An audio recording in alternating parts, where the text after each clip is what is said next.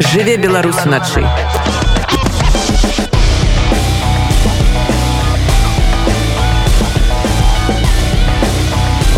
беларускія ноцы. Вяртаемся ў студыю на кракаўскае прадмесце. Шаноўнае спадарства я нагадаю што сёння разам з вами вядучая Аліна крамко гукарэжысёр мілаш дуда 63 дзень войны ва ўкраіне вось ужо больш як два месяцы нашыя суседзі змагаюцца з расійскай агрэсіяй з болем перажывае гэтыя падзеі увесь астатні свет. Сёння ў нашай студыі сведка гэтых падзей жыхарка Киева Аша карсакова да нас яна прыйшла разам з беларускім музыкам дзянісам шматко які шырокаму слухачу вядомы па ўдзеле ў знакамітым гурце літы талер шаноўныя госці добрай ночы. Добрый вечер. Привет, Танюшка. Э, Аша колькі дзён вы ўжо знаходзіцеся ў варшаве у зараз треба порахувати мабуть близько 11 днів мені здається я 13 13 числа я виїхала з України 15 числа я приїхала в Варшаву І я так разумею што вы спыніліся ў дзяніса Так, це мої старі друзі, і е, ми багато років ми з 15-го року знайомі. Я часто приїжджала до них в Мінськ, коли була така можливість. Е, потім Дініс може доповнити. Ну, это з нейкай такой перыядычнасці было тому что аша там э, в Киеве там шмат спраў шмат там всяких розных дел там сябро яшчэ штось яна что-то там запутается в этом всем понабираю всякого все потом ай все поеду к беларусам пакуль все не уляжется потом приезжаю у нас отпашнее душой и телом так сказать тыдні два три и все з новыми силой можно ехать в Украину далей там справа вырашаць і ну это было там ну, некалькі разоў прям некалькі некалькі разоў а так ну сустракались где-то на фестивалях сярэднявечных яшчэ 10 Е, так, ну от я до 19-го року приїжджала до них в гості в Мінськ, а потім, потім м, пандемія, потім революція, а потім, коли талерам довелося е, поїхати з Мінську, то, то, то, то, то вони зупинилися у мене на півтори місяці. Я була дуже рада, що в мене така є можливість віддячити їм за ті класні моменти у Мінську, котрі у нас були. А потім вони от приїхали в Варшаву. Тепер я у Варшаві. У них отак, от А так Лаверди, життя так складається. No, але складае на жаль падзеі э, на фоне падзей не зусім скажем так прыемных драматычных падзей трагічных падзей дзе не своч чалавек які перажыў вайну бачыў вайну і яны адрозніваюцца Ну, скажем так, что Аша моцный человек, не глядишь на то, что это девчонка. И Ашу, скажем так, выперли из Киева ЗСУ, потому что сказали, что ты классная, как волонтерка, ты прям ухали, мы бачим, что ты просто вставляешься. Давай-ка ты просто поедешь и отпашнешь. Я не хотела оттуль выезжать. И я ее памятаю еще больше бутной и прям такой ж ух, там, пардон, баба взрыв. вот. Зараз вот з улікам вот этой всей войны троху паспакайнела і зноў жа мне э, вельмі хваляваўся калі пачалася вайна мне там шмат сяброў і я там прыкладна 12 чалавекам там першае там некалькі 30 дзён там ці колькі я пісаў кожны дзень каб справдзі жывы людзі ці не вот ну і пішаў пісаў таксама аша і ў пэўны момант яна сказала что слухай э, я зараз адчуваю сябе патрэбнай тое што дапамагаю тое што раблю для сваёй краіны для вось гэтых хлопцаў і мяне гэта натхняе жыць далей і вот пасля гэтых словаў я зразумеў што ну хвалявацца все роўна за яе буду але ўжо з упэўненасцю што ну маральны чалавек там в нармальным стане то бок што не прыбіла яе чым вы займаліся пакуль былі ў Киеве з пачатку вайны От, от завжди е, у нас в Україні дуже популярне питання: а як ти зустрів е, ну, війну? В принципі, війна то у нас з 14-го року, а от, ну, це якби ескалація. Е, Я спала вдома 24 числа, мені подзвонила мама, така началось. Я така, ну. Плохо, але я буду спати далі. Брата забрали, він в мене строковик, його 24 числа забрали. Е, Я 24 число все просто просиділа вдома, в мене був ступор. Е, А 25-го до мене приїхали друзі. е, Колишній хлопець зі своєю новою дівчиною. Це у нас така цікава була ситуація. У мене просто з нас троїх найбільш адекватна квартира, найбільш захищена.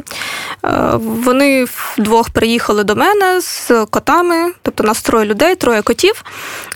У Ані тоді була машина, і ми 25 числа зібрали повністю речі. Вирішили, що ми виїжджати з Києва не будемо.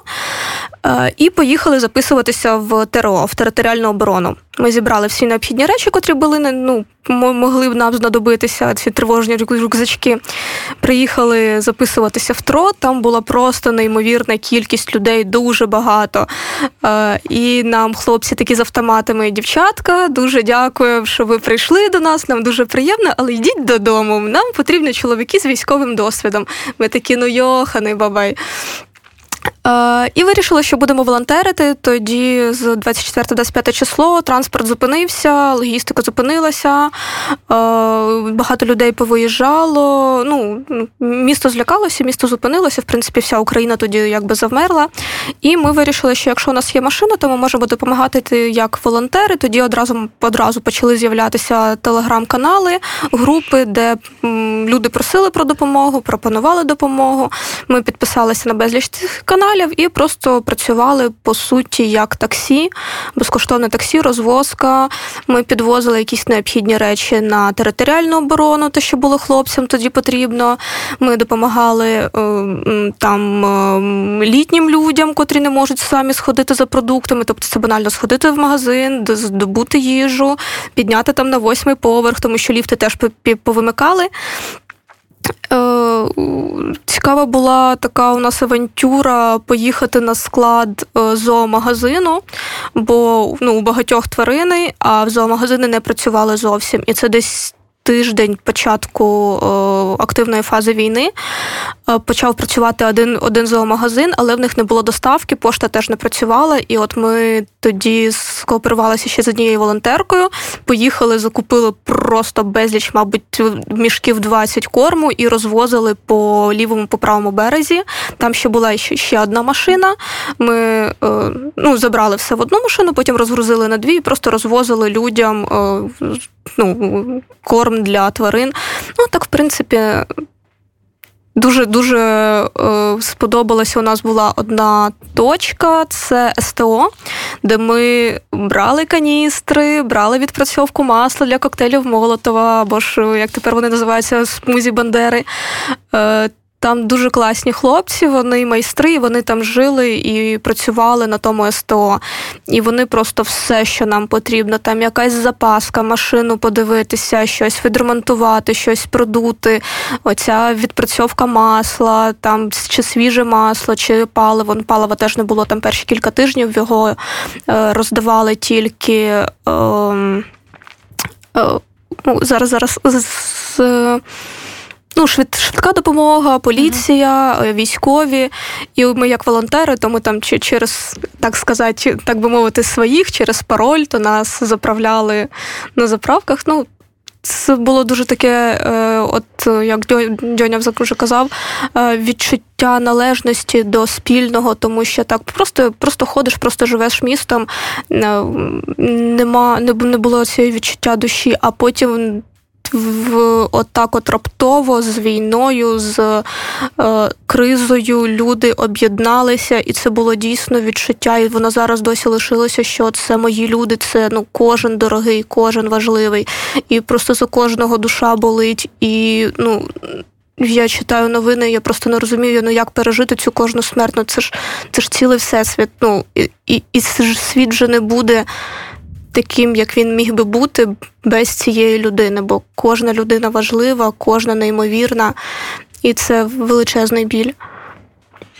Наша псіхіка часам працуе так, што пакуль мы знаходзімся ў экстрэмальных умовах, мы іх не, замож... не заўважаем, мы мабілізуемся і толькі потым разумеем, што былі за крок ад, ад выбуху, ад смерці, ад стрэлу. Колькі было такіх экстрэмальных момантаў падчас вашага знаходжання ў Киеве? Як я вже казала, в мене доволі тихий район, але ну блін, це обстріли постійно, буквально там в кілометрі від мене військова база. Це в перші дні на неї нападали, і там була горіла техніка, там були взриви. Там скільки кілометрів два від мене це вже е, межа Києва, і там теж були обстріли. Ми якось з подругою гуляли парком, вигулювали собак, і було чутно автоматні черги. І це дуже неприємно. Ну, бо коли вдома, то можна там заховатися за двома стінами і там в коридорі чи в санузлі. А коли ти посеред просто величезного простору з собаками і звідкись постріли лунають, ну абсолютно не зрозуміло, ну, що що робити страшно, ну, дуже страшно.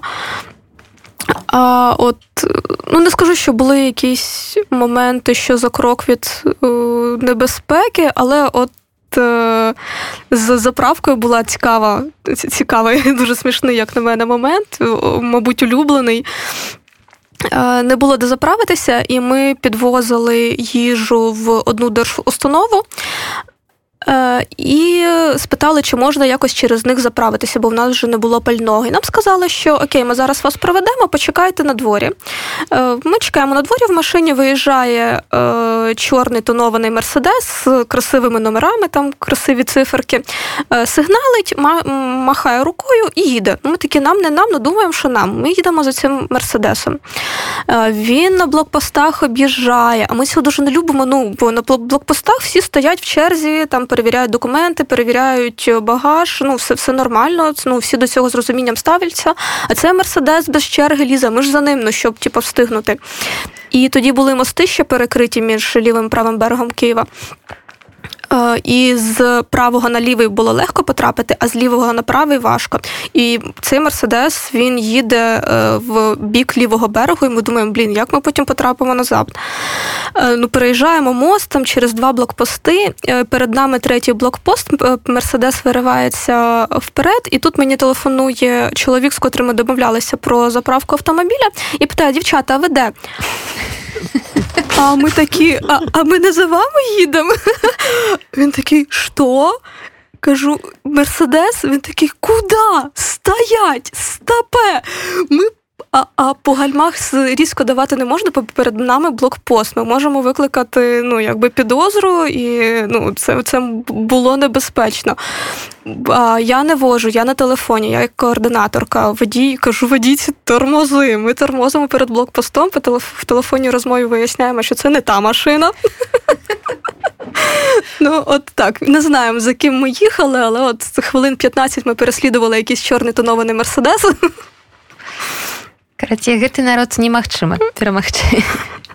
Дзеніс вы сказалі што шмат засталося не шмат засталося шмат у вас знаёмых ва ўкраіне сяброў. Яка як з імі зараз падтрымліваецца сувязь? Хто з іх застаўся хто з іх прыехаў?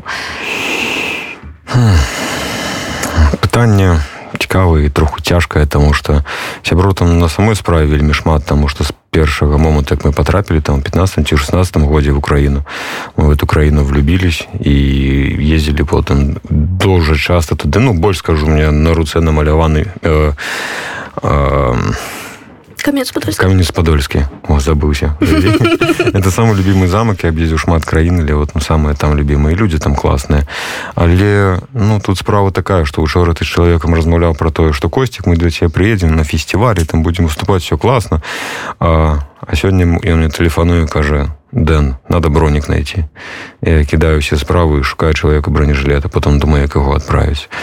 Былі ёсць ёсць хлопцы беларусы которые там павінны былі зрабіць візы прыехаць до варшавы я ўжо думаю як ім тут што рабіць з працу яшчэ нешта і 24.02 ім заставалось два дні до таго каб атрымаць візы а ў выніку яны ідуць пасольства забіраюць пашпарты ідуць записываться вазов ідут ідут воевать вот і ну это цяжка ёсць людзі мои сябры якія з варшавы сабрались і поехали ў той бок при том что блізкія людзі і вот таким чынам с аднаго боку ты думаешь что это война суседняй краіне гэта недзе далёка это нешта ну не до конца вот что верыцца амаль что можно сказать не сапраўднае але калі чалавек за якім ты учора здаровуйся ён сёння едзе туды і у тебя набирается уже таких там 5-6 чалавек едет напередку там то Мне першыя дні калі я даведаўся што хлопцы паехалі быў шок ну сапраўдны шок не просто ж ну, ступор двадцаты год так сабе выдаўся там і чатыры смерці маіх блізкіх і і, і, і, і жодзіна і там і бальнічка з кавідам там ну шмат цяго было вясёлага я там можна сказаць троху больш трымаўся а тут вот нейкае вот такое сувязь падтрымліваем падтрымліваем кожны дзень но вот я ж кажу што першыя дні я хлопцам пісаў где-то каля 12 чалавекам пісаў кожны дзень просто спачатку наставились так дзіўна типа ну что ты всякую ерунду шлеш там смайлікі там скобачки яшчэ нешта каль кожнаму патлумачыў что хлопцы можете не адказваць просто прычытайце паведамленне каб я бачыў что вы жывыя і все і ў выніку дні пэўна праз чатыры калі я звычайна то зранку зрабіў он пра 4-5 дзён я там ну думаю то ўсё вечары зрабіць і мяша якраз таки першая напісала сама жива І вот тут я зразумеў што людзям гэта патрэбна таму што это не для таго каб нейкі паказухі яшчэ нешта я сапраўды хвалюю што як яна там што як. І я зразумеў што ім гэта важна падтрымка і пачуццё што за імі клапоцяцца за імі хвалююцца Як вы гэтую падтрымку дарэчы тут у варшаве адчуваеце з боку польскага ўраду? От приводу уряду, мабуть, що по правді кажучи, ніяк, бо я майже не виходжу з дому, я працюю, сплю, сплю, працюю. Те, що Дюня казав, що я зараз спокійніше, бо він мене бачив, то зазвичай на фестивалях, а там оце Айнане і двіж, кураж. Зараз але я бачу, я розумію, наскільки багато підтримки, е, скільки українських прапорів. Ну це просто неможливо уявити, що ну що взагалі така підтримка іншої держави на побутовому рівні, на культурному рівні, на на, на рівні от просто вуличної присутності взагалі можлива. Ну я не очікувала, я навіть не знала, що таке може бути. Війна дуже сильно розкрила. Е, з неочікуваних боків. Е, різні країни, тобто ті, кого ми вважали друзями, від котрих е, я там очікувала якусь підтримку і моральну, і матеріальну, і там спільно політичну, ті країни виявилися більш зросійщені. А ті країни, з котрими у нас там або не було якихось офіційних зв'язків, або були ну, відверто погані стосунки як з Польщею. Ну, не не очікувала, і я страшенно дуже вражена, дуже вдячна, і, мабуть, ну, до, спокін... ну, не, не, не те слово. До кінця свого життя я буду ну, вдячна вдячна полякам і окремим громадянам, і уряду Польщі за те, що вони зараз роблять, бо це неймовірна, ну неймовірне плече, неймовірна підтримка, неймовірна любов і повага. І ми маємо дуже сильно вибачитися перед Польщею за ті е, е сварки, і ті геноциди, і ті е, вбивства, що в нас були під час ХХ століття. Е, за там якусь якісь культурні е, конфлікти, котрі теж були під час 20-го і попередніх сторіч. Бо це велика, велика любов, велика підтримка, велика дружба, Неймовірно і дуже вражає. Живе Білорусь вночі.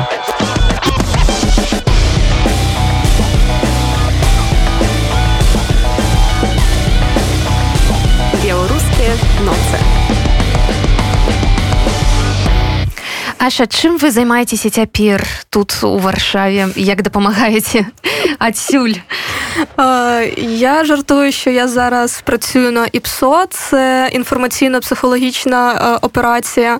Бо у нас була майстерня ми виробляли товари на експорт ну це луки і стріли для традиційної стрільби.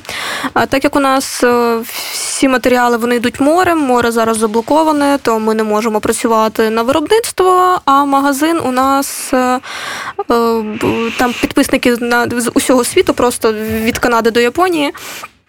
І начальник мені дав команду переходити на військові рейки, писати новини. І от я беру новини з перевірених джерел і перекладаю їх англійською мовою, інформую наших покупців е, про те, що відбувається в Україні, які там плани, які тенденції, трошки там про нашу майстерню. Ну, у нас е, всі хлоп вийшло так, що всі хлопці пішли або в ТРО, або в Збройні Сили України. ТРО це територіальна оборона України. О, ну просто територіальна територіальна оборона. І, на жаль, одного з можна навіть так сказати, засновників. Він з самого початку був разом з нашим директором, його вбили, тобто його вже немає з нами. І Це, звісно, велика втрата взагалі і для нас особисто, і для майстерні, і для реконструкторської ну, спільноти України. На жаль, але таке життя він загинув героєм. Е, ще наша майстерня ми збираємо донати. Е, ми вже змогли купити автомобіль в Польщі, перегнати його на потреби е, Збройних сил України. І там по дрібному пересилали на деякі фонди, купували турнікети, купували медицину теж в Польщі. Все це відправляли нашим хлопцям в здається, це Олексію, Олексій в Збройних сил України. А дівчата вийшло так, що лишилися всі в Києві. У нас троє дівчат в майстерні, і ми волонтерили. Тобто я волонтерила на машині спочатку подруги, потім ми взяли машину нашого директора, е, місяць волонтерили на ній. Потім цю машину забрали на тури на Чернігів, так би мовити. Це брат нашого директора. Він їздив з журналістами на Чернігів і відправляв, відвозив гуманітарку машиною. Ну і коли машину забрали, а в мене прав немає, то я вирішила, ну і мене попросили, мене друзі з Збройних сил України попросили, що їм буде спокійніше, якщо вони не будуть там кожного разу, коли обстрілюють Київ, смикатися, і щоб я поїхала. Я поскрипіла душею, я ну, днів 50 виходить, що я була в Києві. І я дуже не хотіла, я дуже сперечалася, але коли вже просто троє різних людей мене попросили поїхати, я така добре, ну, якщо якщо вам буде спокійніше працювати, якщо я поїду, то я поїду. Ну, от працюю на ІПСО, перевожу новини. Увогуле кажа што самае адно з самых складаных пытанняў гэта навошта? У мяне няма адказу навошта гэта ўсё робіцца і навошта гэта ўсё адбываецца з намі. Як гэта можна патлумачыць і, я не ведаю што гэта як гэта магчыма у 21 стагоддзі Так, це був найбільший шок, мабуть, це ще до до того, як е, Росія об'явила, ну не вона так і не об'явила війну. У них це спецоперація до 24 лютого. Ну в Україні ніхто не вірив, що можлива повномасштабна війна, що можливо повномасштабне вторгнення, бо 21 сторіччя. Ми буквально 80 років тому пережили Другу світову. Е, цей лозунг ніколи знову просто у всього цивілізованого світу на вустах, але тільки в Росії лозунг можемо повторити, і от вони намагаються повторити. І просто ну, ну, мені здається, що у людей просто немає ніяких інших здобутків, окрім тієї перемоги, на котру вони моляться 80 років. І, звісно, це страшно, коли за 80 років нічого нового не відбулося. Європа, Україна, цивілізований світ він якось йде вперед. Ми до чогось прагнемо, ми щось здобуваємо. А якщо у людей досі немає централізованого водопостачання, то я їх не розумію, і, мабуть, це добре, що я їх не розумію, бо якби їх зрозуміла, то це було б страшно. А так мені, мені легше не розуміти. Мне б хацелось закрануць карыстаючыся момантам яшчэ одну тэму Трошки іншую. Мы з вами сустрэліся э, падчас лекцыі якую ладзіла арт-рэзідэнцыя. І вось у гэтую пятніцу будзе такі фінальны канцэрт фальклорнай арт-рэзідэнцыі дарэчы на якой можна будзе сустрэцца як я разумею і з мастакамі з музыкамі з Украіны Дзяніс калі ласка распавядзіць. Ну гэта чарговая наступная арт-рэзідэнцыя якая прысвечаная фолькавай музыкі не толькі музыкі фолькавым спевам. Вось удзельнічаюць у ёй калі не памыляюся толькі беларусы. Але э, твор якім будзем выконваць напісаў э, паляк зваць яго Пётр. Вось але дзіўна мне казалі што ён паляк але сёння до нас прыйшоў і пачаў размаўляць украінскую. Таму вот я зараз уже не ўпэўнены Вось але мы вырашылі крышку пайсці за межы менавіта скажем так беларускай традыцыі і таму о, у гэтым канцэрце будуць удзельнічаць такія інструменты як там нямецкі дудальзак іспанская гайта там колавая ліра якая зроблена па копі з нямецкай ліры Вось украінская сапілка Вось будуць розныя спевы спеваў будуць э, спевы і там вершы на польскай мове будзе спеў здаецца з украінскай мовай і беларускія Вось вось адбывацца гэта все будзе в касцёле можете пашукаць у фейсбучыку арт-рэзідэнцыі і спасылку на наш канцэрт Вось і 29 у пятніцу усіх чакаем каб паслухаць таму што гэта будзе вельмі цікавы эксперымент мне вельмі хацелось сказаць што гэта будзе такі утульны лампавы канцэрт дзе можна прийти расслабіцца і паслухаць Але так сказаць не магу Таму што я ведаю, што там будзе дудальзак, гэта досыць гучны інструмент, там будзе гайта, которая вельмі цікавы інструменты і вельмі такія бертановы. Вось і гэта будзе фолк, але вельмі эксперыментальны. Гэта будзе спалучэнне розных інструментаў з ад розных народаў і на мой погляд гэта якраз сімвалізуе еднасць родных народаў. І ў гэты час у той момант што зараз адбываецца гэта вельмі важна для ўсяго света. Адчуць гэта народамі і адчуць кожным самому сабе ўнутры гэту еднасць таму усіх запрашаем Аша сапраўды наколькі важны гэта культурны чыннік? Вось падавалася б зусім не да песняў зусім не да танцаў не да нейкіх таких э, мастацкіх скажем так перажыванняў і пражыванняў гэтых усіх падзей. Але так атрымліваецца што ой лузе чырвона каліна напэўна ведае цяпер ужо увесь свет і спявае увесь свет. Э, культура заўжды на часе. Э, я з культурної середи тобто я актрыса перформерка.